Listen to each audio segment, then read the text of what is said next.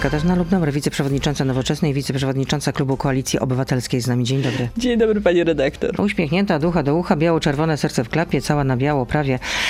Prawo i Sprawiedliwość, jak zapowiada Jarosław Kaczyński, pokaże swój program wyborczy za kilka tygodni. A kiedy będzie taki kompleksowy od A do Z program Koalicji Obywatelskiej? Koalicja Obywatelska, znaczy tak, zacznijmy od tego, że nowoczesny program, może pani wejść na stronę, wisi nowy, aktualny.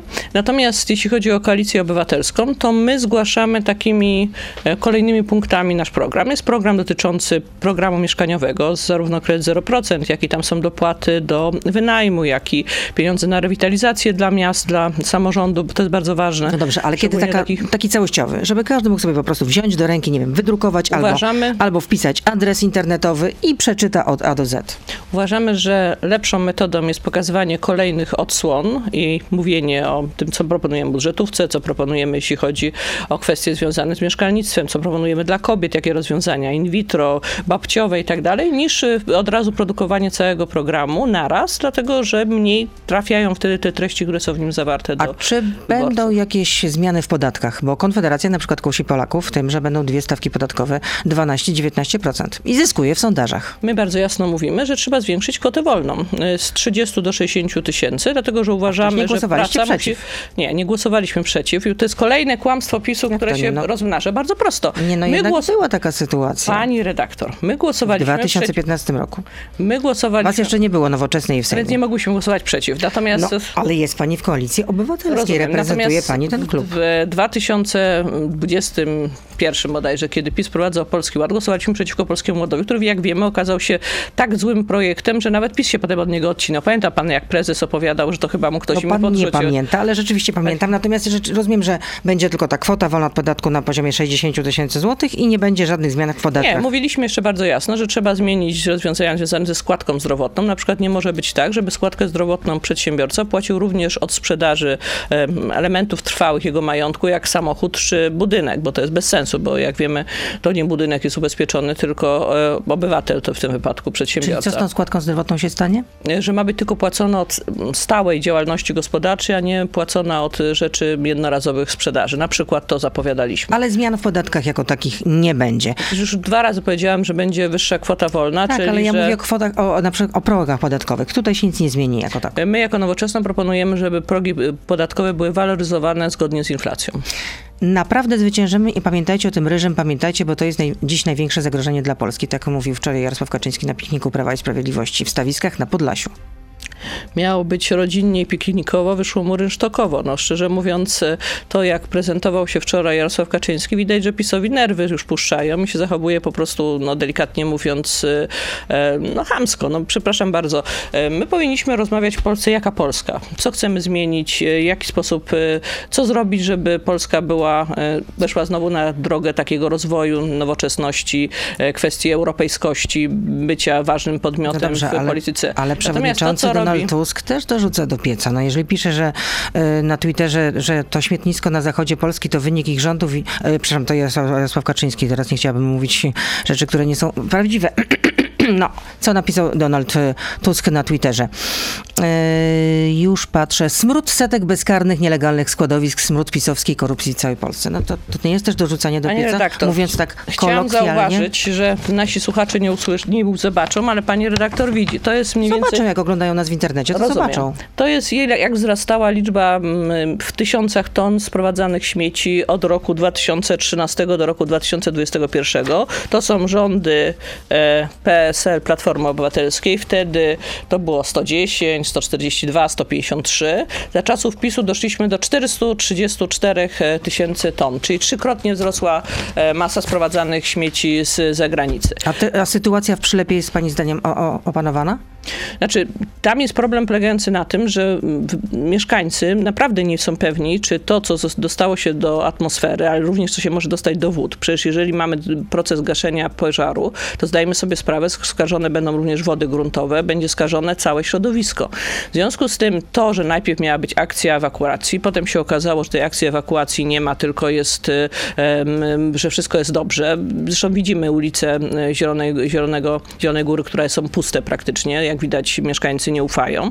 Ale powiem jeszcze jedną rzecz. Jak widziałam panią Moskwę, która w maseczce i to z wysokim filtrem razem z panem Ozdobą siedziała na spotkaniu w momencie, w którym obywateli uspokajają, że wszystko jest w porządku, no to czy możemy im ufać? Oni się zabezpieczyli. Oni mają maski, nie wiem, tam 95 czy inne. Natomiast rozumiem, że mieszkańców Zielonej Góry powiedzieli im, że wszystko spokojnie, wszystko ok. Jakby było wszystko ok, to nie zakładaliby takich maseczek. To do tego tematu jeszcze wrócimy w części internetowej, ale znaczy, w ogóle jeszcze... muszę powiedzieć, że to, co prezentuje sobą pani, e, pani minister Moskwa, to jest szczyt manipulacji. Pamiętamy po Odrze, jak opowiadała o tych zielonych algach, przepraszam, złotych algach i zapomniała tylko wspomnieć, że złotych alg nie ma w czystej, e, słodkiej wodzie, tylko jest wtedy, kiedy woda będzie tak zasolona przez przemysł, że może, mogą się rozwinąć złote algi. I nagle się okazało, że te złote algi po pierwsze się tam pojawiły w ogóle tak, że tak powiem, e, z powietrza, a nie dlatego, że doprowadzili do sytuacji, w której do wody polskie tego, co się wydarzyło w Przylepie w województwie lubuskim powrócimy. Jeszcze chciałabym zapytać o to, że Jarosław Kaczyński dementował pogłoski, jakoby PiS miało współrządzić z Konfederacją. Y, w jedno nie wierzcie, że my będziemy rządzili z Konfederacją. Czyli co, będziemy mieli przyspieszone wybory kolejne? Nie, PiS rozumiem, że po pierwsze wychodzi z założenia, że w pierwszej kolejności będzie chciał wyłuskać z Konfederacji część posłów i jeżeli tam są tacy, e, tacy kandydaci, to liderzy list, jak pan Bartłomiej Pejo, który przypomnę, że kandydował w roku 2018 z list PiSu z trzeciego miejsca i jest w tej chwili współrządzi z PiSem jako wicestarosta, no dokładnie tam w Świdniku, e, pod Lublinem, natomiast e, w powiecie świdnickim dokładnie. To jeżeli mamy do czynienia z taką sytuacją, jeżeli teraz przejmują Siarkowską, jeżeli mamy tam ludzi, którzy, w których, znaczy w pierwszej kolejności myślę, że znaczy, PiS no, będzie zrobił wszystko. Anna Maria Siarkowska to odeszła do Konfederacji. Tak, tak, wiemy. I poszła do Konfederacji. Wcześniej była mm, z Kukizem związana i równie dobrze w przyszłości może wrócić I z powrotem do PiSu. Polsce. Więc powiedzmy jasno, najpierw w pierwszej kolejności PiS będzie próbował przejąć część e, posłów Konfederacji, ale jeżeli im się to nie uda, to będzie współrządził z Konfederacją. A czy Koalicja teraz... Obywatelska będzie współrządzić z Konfederacją? Nie. nie mamy... Na pewno, na bank, tak? Na bank, biorąc pod A uwagę, dlaczego mamy są... wam wierzyć, że na bank? Dlatego, że to są ludzie, którzy są po pierwsze wrogami kobiet. Ja przypomnę, że to Konfederacja Konfederacja chce, żeby zakazać jeszcze aborcji w sytuacji, której ciąża pochodzi z gwałtu. I to jest kilku, wypo się wypowiada już i Mencen, i Urbaniak, i Bosak, i właściwie i pani Bryłka, która jest jedną z też z chyba liderek list y, Konfederacji, że Konfederacja to są ludzie, którzy tak jak Brown chcieliby wsadzać osoby nieheteronormatywne do więzienia, że Konfederacja to są tacy ludzie jak Korwin, którzy w ogóle by najchętniej zakazali kobietom głosowania do 55 roku życia, a poza tym uważają, że wiek zgody powinien zależeć od tego, kiedy dziewczynka ma miesiączkę, czyli to jest, że tak powiem, miękka zgoda na pedofilię, e, ponieważ Konfederacja to nie są e, ludzie, z którymi można e, rozmawiać poważnie o Polsce, ponieważ to są ludzie, którzy są przeciwko wolnościom obywatelskim, przeciwko prawom kobiet, ale za to za, za zamordyzmem. A po drugie dlatego, że szczerze mówiąc konfederaci nie są poważnymi ludźmi, a Mencen jest tchórzem, który się boi przyjść do mediów i bronić swoich tez. Na przykład zapomina o swoich stu ustawach Mencena, bardzo chętnie zapomina o swoich stu ustawach Mencena i swoich pięciu e, punktach programowych Może to już jest nieaktualne. Pytanie od słuchacza Andrzeja. Tak, czy... a jak się pyta Mencena na przykład na temat Unii Europejskiej, to wypowiedź jest pod tytułem, czy chciałby pan, e, czy chciałby pan e, referendum w sprawie wyjścia z Unii Europejskiej? No nie, bo teraz jeszcze moglibyśmy przegrać, ale tak w ogóle to w przyszłości. Pytanie od słuchacza Andrzeja. Czy widzi pani Ryszarda Petru na liście do Senatu? Ja mówię bardzo jasno, na czym powiedział to zresztą Marcin Kierwiński, który prowadzi w tej chwili te rozmowy. Najpierw on musi uporządkować swoje sprawy nowoczesnej, a potem hmm, a co to znaczy, że musi uporządkować sprawę? Ja przypomnę, że on jest zawieszony w tej chwili. Zawieszony, czyli musiałby być przywrócony, tak? Rozumiem? Nie, musiałby usporządkować. E, a co, a co partii, musiałoby się stać, żeby został przywrócony partii, w prawach członka y, nowoczesnej? W każdej partii zasada jest bardzo prosta. To, gdzie kto kandyduje, decydują władze partii, a nie y, zgłoszenie samodzielne. No to co musiałby zrobić, żeby zostać przywrócony w, w prawach członka? Ja nie powiedziałam, że musi uporządkować, ja nie powiedziałam, że musi zostać przywrócony. Ale, to, ale nie powiedziała pani, co to znaczy, że musi uporządkować swoje nie, sprawy w ma, Z tego, co wiem, jest wniosek do sądu koleżeńskiego. No i kiedy ten wniosek będzie rozpatrzony? Ja nie jestem w sądzie koleżeńskim, w związku z tym nie ja o tym decyduję. Czyli widzę, że jest pani niechętna generalnie. Czyli rozumiem, możemy postawić tezę, że Ryszarda Petru nie będzie na liście Problem do Senatu polega, w nie, akcie nie. senackim. Powiedziałam bardzo jasno, że e, to zależy od tego, jak uporządkuje swoje sprawy. Natomiast to, czy będzie, czy nie, nie przesądzamy. Tylko cały czas nie wiemy, co musi zrobić, żeby uporządkować swoje sprawy. To jest sprawa między Ryszardem Petru, Adamem Szłapką i zarządem Nowoczesnej. No to tyle w części y, radiowej. Oczywiście teraz już jesteśmy tylko na Facebooku, na Radio ZBL na YouTubie, więc proszę zostać z nami. Beata Lubecka, serdecznie zapraszam. To jest gość Radia Z. Przypomnę, że gościem Radia Z jest Katarzyna Lubnauer, wiceprzewodnicząca Nowoczesnej, która nie wie, co się stanie z Ryszardem Petru i wiceprzewodnicząca Koalicji Obywatelskiej. Chociaż jest pani wiceprzewodniczącą Nowoczesnej. Nie, ja mówię bardzo jasno, że mm, Ryszard Petru, ja przypomnę, że już raz wychodził z Nowoczesnej i traktuje Nowoczesną mniej więcej jak w ten sposób, że jest jak mu jest wygodnie, to no tak, a potem wyszedł z niej, założył inną partię, potem okazało się, że nie umiał jej, mm, że tak powiem, przyjąć, żeby było przyjęte sprawozdanie, bo chyba nawet go nie złożył.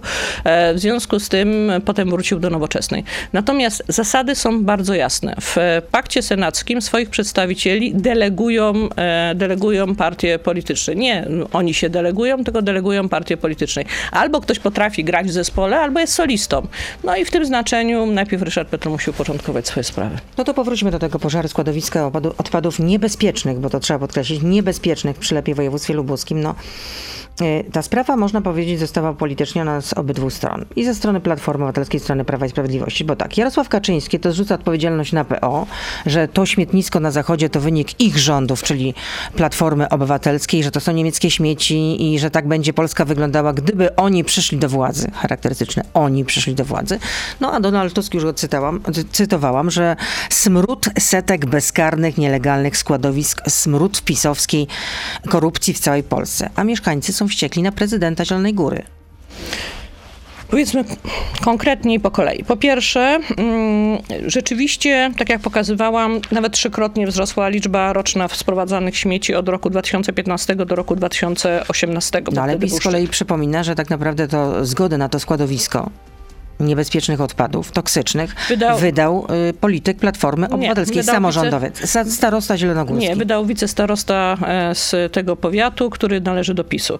I to jest właśnie... A to nie, nie wydał tego Ireneusz Plechan z Platformy Obywatelskiej? odpowiedzialnym za ochronę środowiska, co przedstawił ktoś, kto pokazywał schemat organizacyjny Ale w powiecie. To, kto to przedstawił? Jest na Twitterze. Ktoś, kto jest zainteresowany, może znaleźć to. W powiecie, e, tam w powiecie osobą odpowiedzialną wtedy za kwestie śmieci był wicestarosta z Prawa i Sprawiedliwości. To jest raz. I co więcej, zauważmy, że Ozdoba umieścił taki, takie pismo, które pierwszą stronę pisma, które pokazywało, jak była wyrażona zgoda, natomiast nie umieścił dalszych stron, które pokazywałyby na przykład, kto się pod tym podpisał.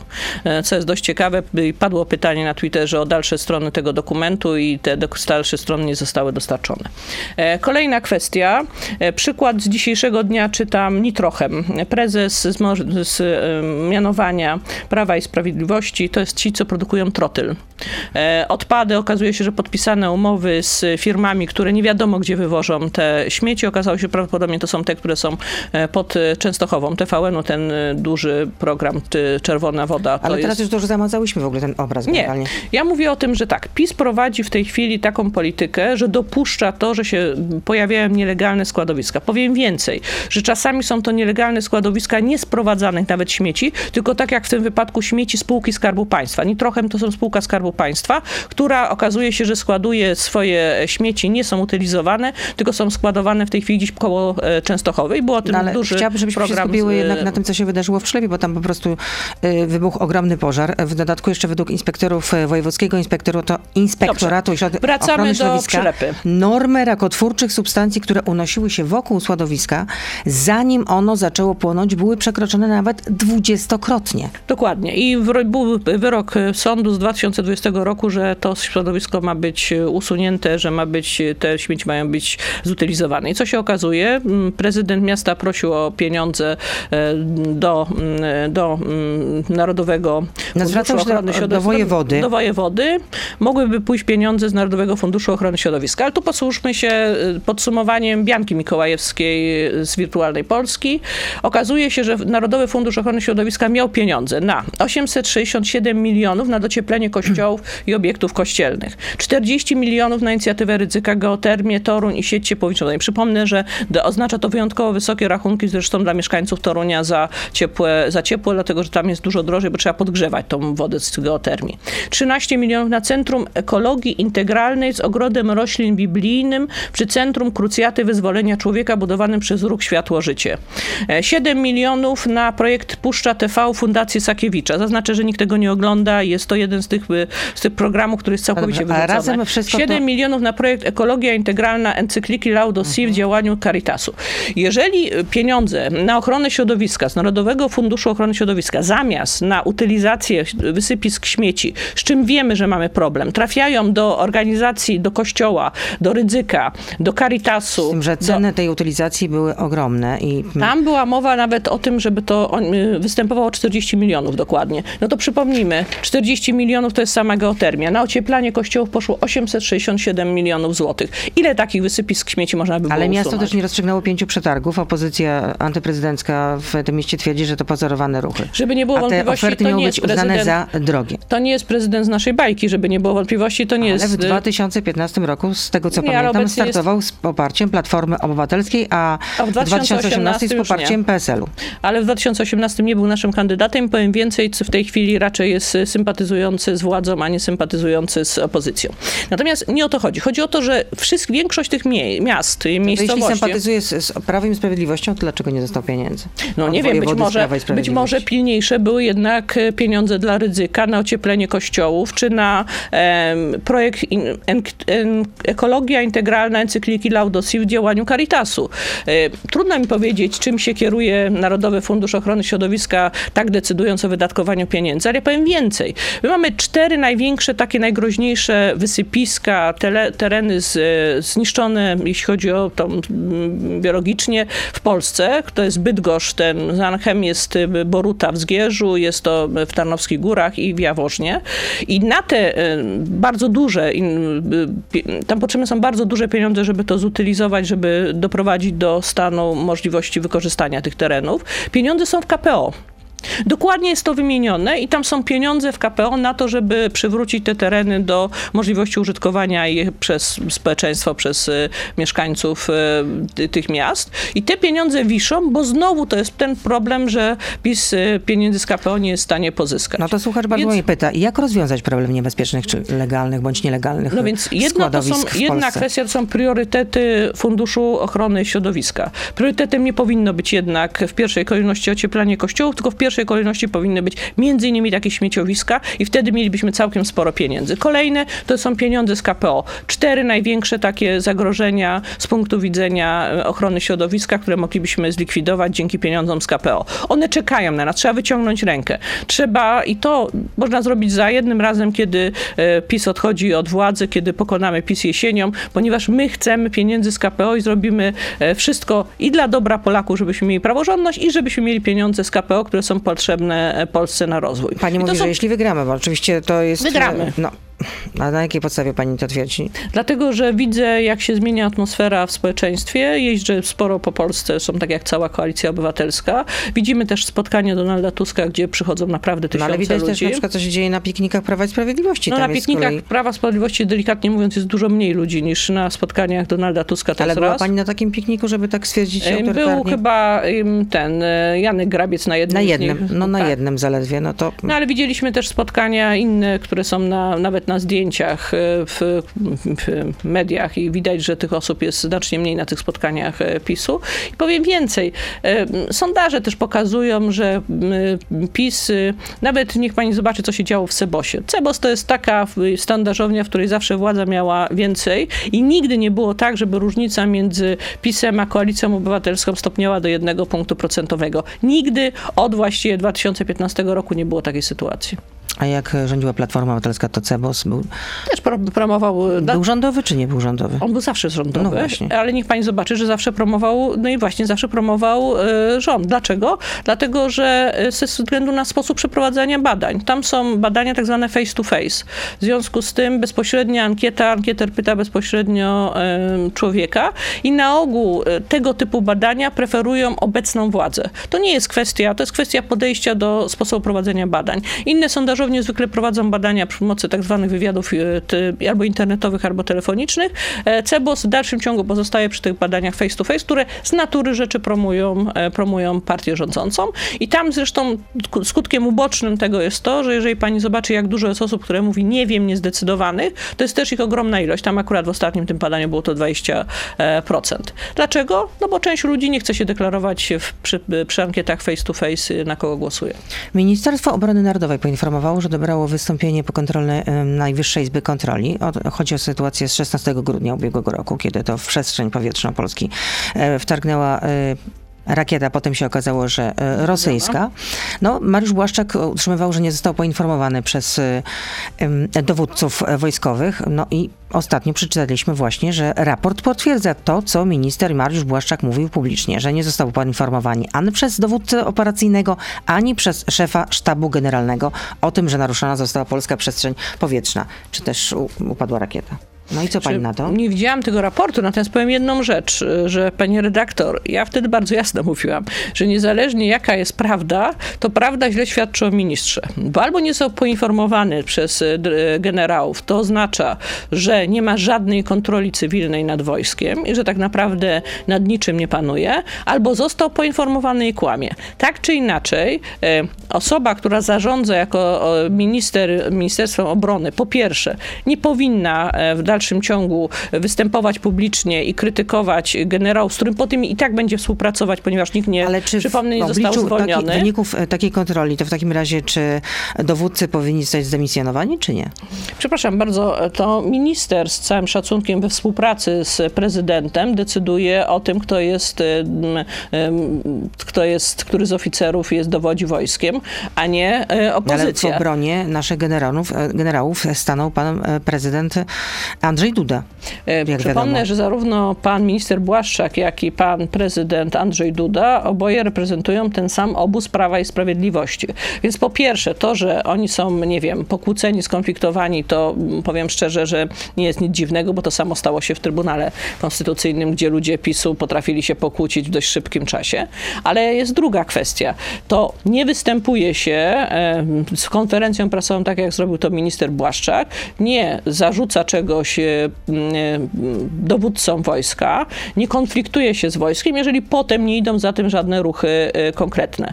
Zauważmy, Ale przecież co się ostateczna stało. decyzja przecież nie należała jednak do ministra Błaszczaka. No tak, nie wydaje nie? się pani, pani redaktor, że minister Błaszczak najpierw powinien porozmawiać z prezydentem, co dalej w tej sytuacji robią, a nie występować, żeby, przepraszam bardzo, to ośmieszało jednoznacznie i armię, i e, pana ministra Błaszczaka. Czyli rozumiem, że wyniki tej kontroli nie robią na pani żadnego wrażenia, tak? No, robią, oczywiście, że robią, bo w dalszym ciągu jestem przerażona myślą, że okazało się, że na teren Polski bez żadnej kontroli wleciała rakieta, rakieta, która jest zdolna do przenoszenia ładunków atomowych i nikt się nie zainteresował i nikt nie zbadał, gdzie ta rakieta wpadła, a jedyny, kto został wysłany do tego, żeby poszukać tej rakiety, to był dwuosobowy patrol policyjny. To przepraszam bardzo, to po pierwsze kompromituje polskie państwo, po drugie to oznacza, że wszyscy nie jesteśmy bezpieczni, ponieważ nikt w tym czasie nie zbadał tego, co się stało z tą rakietą i dopiero po kilku miesiącach dzięki temu, że Amazonka ją znalazła, jadąc przez e, las, mogliśmy dowiedzieć się, że w ogóle wpadła na teren e, Polski. To jest kompromitacja e, tej władzy. Chciałam wrócić jeszcze do tej sytuacji, Natomiast o której mówiliśmy szeroko. Błaszczaka jest dużo więcej zarzutów, nie tylko ta rakieta. Chciałam jeszcze powrócić do tej sytuacji z ubiegłego tygodnia, która była tak szeroko komentowana w mediach. Chodzi o sprawę pani Joanny. Wczoraj na ten temat e, znowu głos zabrał e, w Polsat News Jarosław Szymyczek, generał Jarosław Szymyczek, czyli komendant główny policji powiedział, że na podstawie dostępnych obecnie materiałów nie wynika, że kontrola wewnątrz policji zakończy się przedstawieniem wniosków dyscyplinarnych lub karnych. To jest ciekawe, ponieważ... I powiedział, że policjanci podejmowali decyzje pod presją czasu i działali po to, żeby ratować zdrowie pani Joanny. Ja tu jeszcze Co przypomnę, stoi w sprzeczności z, wers- z, wersją tej pani. Ja tu przypomnę jeszcze, że pan, ja sobie zapisałam cytat z pana Szymczeka, nie godzę się na to, żeby ferować wyroki, linczować funkcjonariuszy, przekładać sytuację na całą formację. Zasada domniemania niewinności istnieje w każdym postępowaniu, nie tylko karnym. To już podano wyroki, osądzono i podjęto decyzję. Proszę, żebyście tego nie robili. Ja chciałam zauważyć, że dokładnie to zrobiła policja z panią Joanną. E, ferowała wyroki, mimo tego, że nie miała żadnego nakazu, chciała ją przeszukać, zabrała jej laptop i telefon. Przypomnę, że jest wyrok sądowy dotyczący telefonu, że powinien zostać zwrócony i że został bezkarnie jej zabrany. Policja ujawniła szczegóły z jej życia, informuje, czy ona utraciła partnera, czy nie utraciła partnera, co się działo z jej, z jej sprawami prywatnymi. Policja zachowała się w sposób opresyjny. To, co się stało, to było zwykłe draństwo, tak jak się zachowała policja.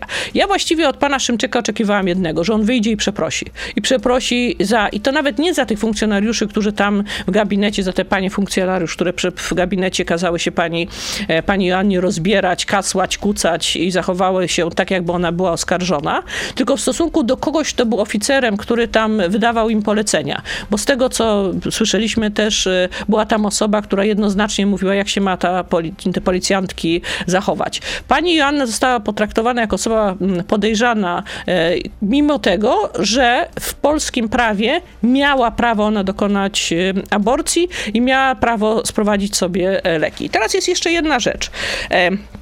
Po pierwsze, to jest, żeby zmienić tą sytuację, to nie tylko trzeba wygrać wybory, trzeba zmienić Czyli prawo rozumiem, dotyczące że te tego, środki żeby... wczesnoporonne można kupić w internecie, nie są trzeba... poronne w ogóle. Środki poronne to są... To nie trzeba chodzić do szpitala, e, czy do, do lekarza po Oczywiście, prostu. że w najlepszym układzie to byłoby tak, jeżeli zmienimy prawo, że będzie prawo, e, za którym my jesteśmy, legalnej aborcji do 12 tygodnia, że kobieta może pójść do lekarza i pod jego kontrolą zażyć tego typu środki. Taki jest idealny układ. Ale ta władza doprowadziła do sytuacji, w której nie tylko, tak jak e, według tego zgniłego kompromisu 93 roku kobieta e, nie ma prawa do e, aborcji z, z, na skutek swojej decyzji, ale ta władza, przypomnijmy, doprowadziła do tego, że Polki muszą uciekać, jeżeli mają do czynienia z wadą letalną, czyli śmiertelną płodu i chciałby taką ciążę usunąć, bo nie chcą być skazywane na cierpienie, na obserwowanie umierającego dziecka lub na śmierć tego dziecka w czasie ciąży, to co zagraża zawsze zdrowiu to co kobiety. zrobić, żeby takie sytuacje się nie powtarzały? Mówię, doprowadzi do sytuacji, w której zmienimy tą władzę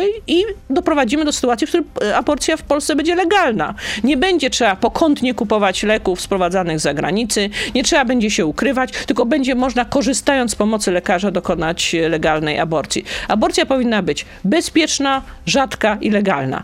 E, przede wszystkim w Polsce ograniczono też dostęp do antykoncepcji. Przypomnę, że pierwszą decyzją tego rządu było to, żeby antykoncepcja awaryjna była na receptę, co zmusza... Minister Radziwiłł. Dokładnie. Taki pomysł. I on doprowadził, znaczy, dokładnie, doprowadził on do tego, że tak właśnie się stało, dokładnie. że zostało to usankcjonowane w związku prawnie. z tym w tej chwili kobiety, jeżeli chcą dokonać tak zwanej, to już wtedy są wczesnoporonne, czyli jeżeli chcą korzystać z pigułki dzień po, to muszą znaleźć lekarza, który tą e, pigułkę wypisze, mimo tego, że w całej Unii Europejskiej jest tak, że one A są bez recepty.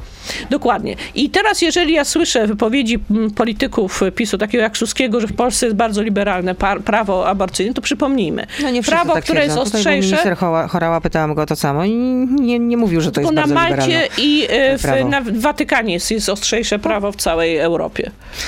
Słuchacz pyta, mm, po raz kolejny zadaje to pytanie pytanie e, przedstawicielowi e, Koalicji Obywatelskiej i żaden nie jest w stanie odpowiedzieć. Z jakich pieniędzy chcecie finansować swoje obietnice wyborcze, których koszt wynosi ponad 100 miliardów złotych, czyli 800 plus, kredyt 0%, podwyżki dla budżetówki i tym, i tym podobne. No chyba, że wszystko na kredyt. Przypomnę, że 800 plus już zostało wprowadzone, już przegłosowaliśmy to w Sejmie. To jest e, projekt, który jest kontynuacją, rozumiem, waloryzacją po prostu projektu, który 500 plus, który No ale skąd na to wszystko to ponad natomiast, 100 miliardów? Natomiast, żeby nie było wątpliwości. E, część tych projektów, takich jak babciowe, to jest projekt, który pewnym stopniu samofinansuje się.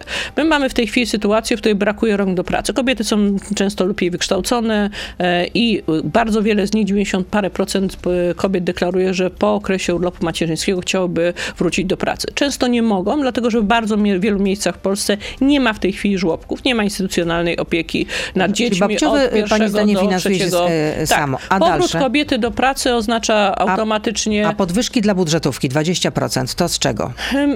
Pani redaktor, redaktor, w roku 2015 nauczyciel dyplomowany, czyli zarządów, e, koniec rządów PO-PSL, zarabiał 80% średniej krajowej. Dobrze, ale ja nauczyciel, teraz, no to ja mówię, nauczyciel mianowany zarabiał 67%. Teraz, jak wtedy było, a jak jest teraz? A ja krajowej. pytam, skąd wziąć pieniądze Natomiast, na podwyżki dla nauczycieli? 20% to jest duża podwyżka. Natomiast w roku 2000, tylko skończę to, w 2023 nauczyciel dyplomowany ma 63% średniej krajowej, czyli mniej niż miał wtedy e, mianowany. Skąd wziąć pieniądze na podwyżki dla budżetówki, nie tylko dla nauczycieli? Przepraszam, nawet wtedy budżet był mm, dużo niższy niż jest obecnie, dlatego że że mamy, mamy jednak dużą inflację, w związku z tym rośnie również budżet i to znacząco, że tak powiem.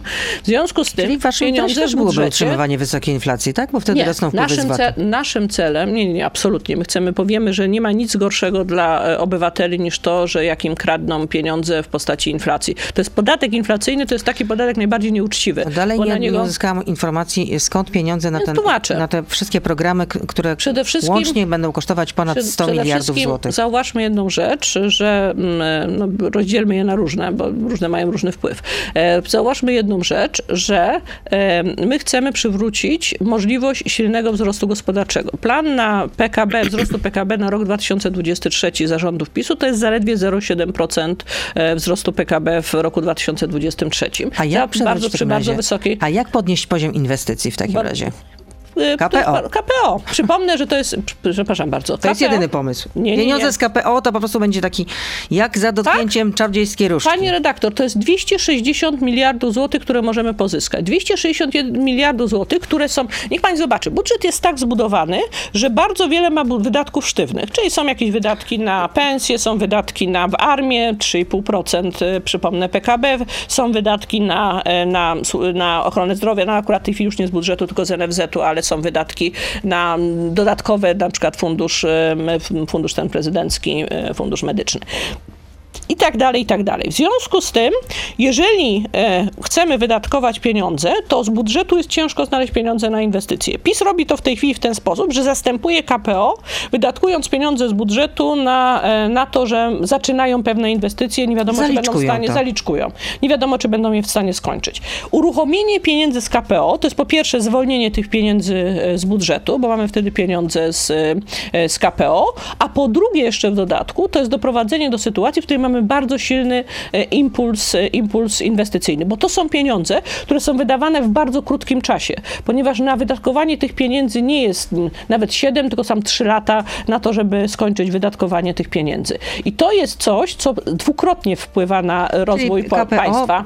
po, pierwsze, to są, po pierwsze to są inwestycje w zdrowie, cyfryzację, w tanią energię, ale jest jeszcze jeden element. To zwiększa zaufanie inwestorów zagranicznych do Polski, bo Polska staje się państwem wtedy wiarygodnym. Jak uzyskuje pieniądze z KPO. To oznacza to samo, co przywrócenie też praworządności, które dokładnie ma takie działanie. Więc zwiększa też inwestycje w postaci inwestycji Dobrze. gospodarczych z Zachodu. Kolejne pytanie. Co Koalicja Obywatelska ma zamiar zrobić z CPK, Centralnym Portem Komunikacyjnym, jeśli wygra wybory? Słucham. Z tą łąką?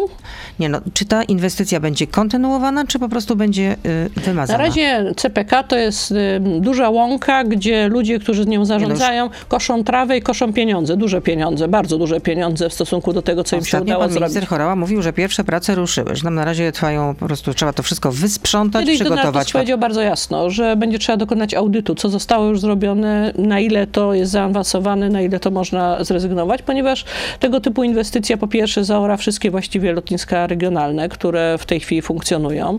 Po drugie, to co z tym się wiąże, czyli ta kolej y, wielkich prędkości ma być na krzywdzie ludzkiej. Tam w bardzo y, wielu przypadkach pomysły pana Chorały and Consortes na to, żeby to przebiegało prawie że przez środek osiedla są krzywdzące dla obywateli. W związku z tym po y, przejęciu władzy trzeba będzie dokonać audytu i zobaczyć, co zmienić tak, żeby po pierwsze inwestycja nie była na krzywdzie ludzi, a po drugie, czy my naprawdę potrzebujemy tego typu że tak powiem, pisancjum.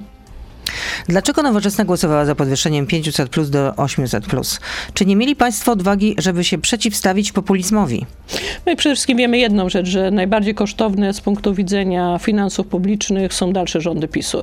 PiS rzeczywiście próbuje zaszantażować polskie Tylko to trochę jest no, niezgodne jednak z programem Nowoczesnej. Ale nie wiemy, nie mamy żadnych wątpliwości, że PiS próbował przy pomocy 800 plus zaszantażować, polskie społeczeństwo. My uważamy, że e, wybory jesienią zadecydują o tym, jaki będzie stan finansów publicznych publicznych, tak jakby chociażby środki z KPO. Wie pan, wie pani, czasami e, zdajemy sobie sprawę, że e, to i ten impuls, który możemy dać Polsce inwestycyjny jest dużo więcej wart niż kwestia 500-800. A co pani zrobi z zyskami z obligacji? Atakowała pani w tym temacie premiera Morawieckiego. Premier Morawiecki zapowiada, że zyski z obligacji w tym roku przekaże na cele charytatywne. A co pani zrobi? Ja po prostu przy pomocy obligacji zabezpieczam przed inflacją pisowską swoje, swoje zasoby. Ale rozumiem, że nie będzie pani przeznaczać tego na te zyski pana, na cele pana, charytatywne. W odróżnieniu od pana Morawieckiego nie mam wpływu niestety na to, żeby zablokować inflację w Polsce. On ma wpływ. Co więcej, w odróżnieniu Ale od pana nie będzie pani, rozumiem, nie będzie pani przekazywać na cele pana, charytatywne. W odróżnieniu od pana Morawieckiego, to ja, cały nasz majątek jest znany, a nie ukrywam kilkanaście milionów, tak jak pan Morawiecki, albo więcej u żony.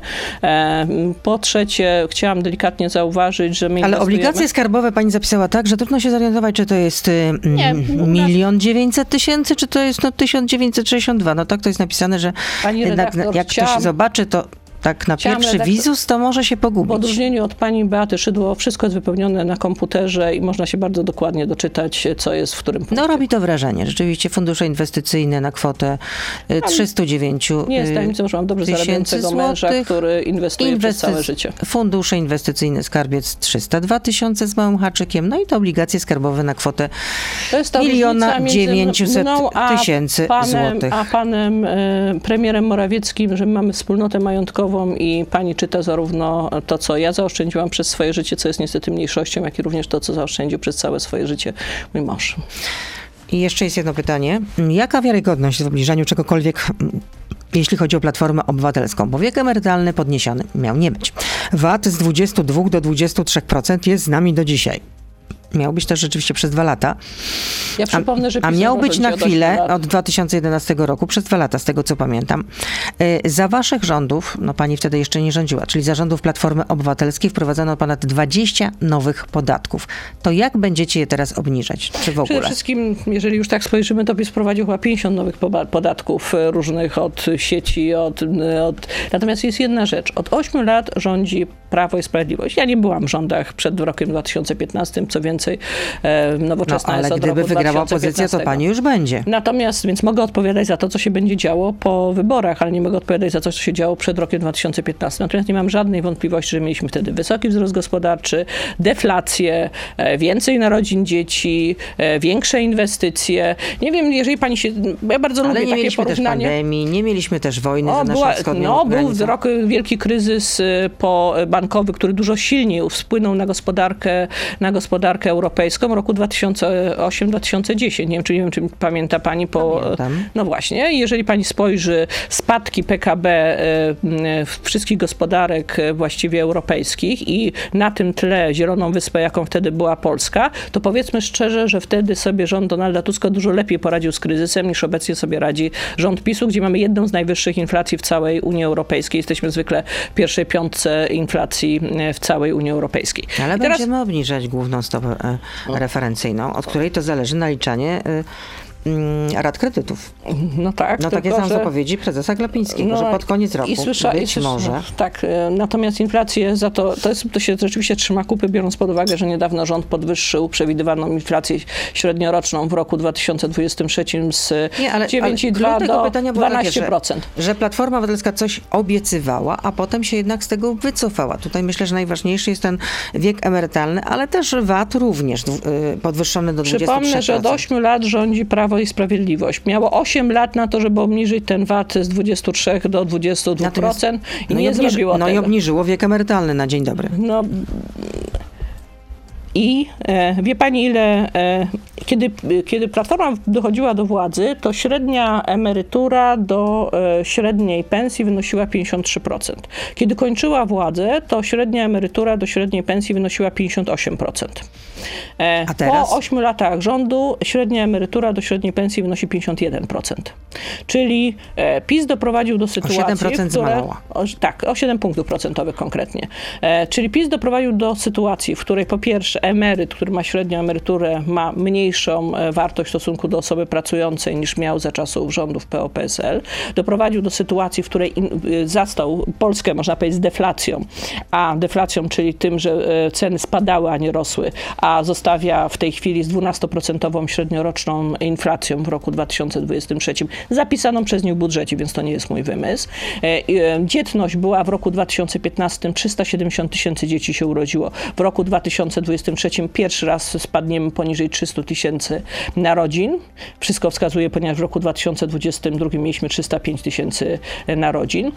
Inwestycje. Inwestycje w roku 2015 to było 20,2% no PKB. Licytacja.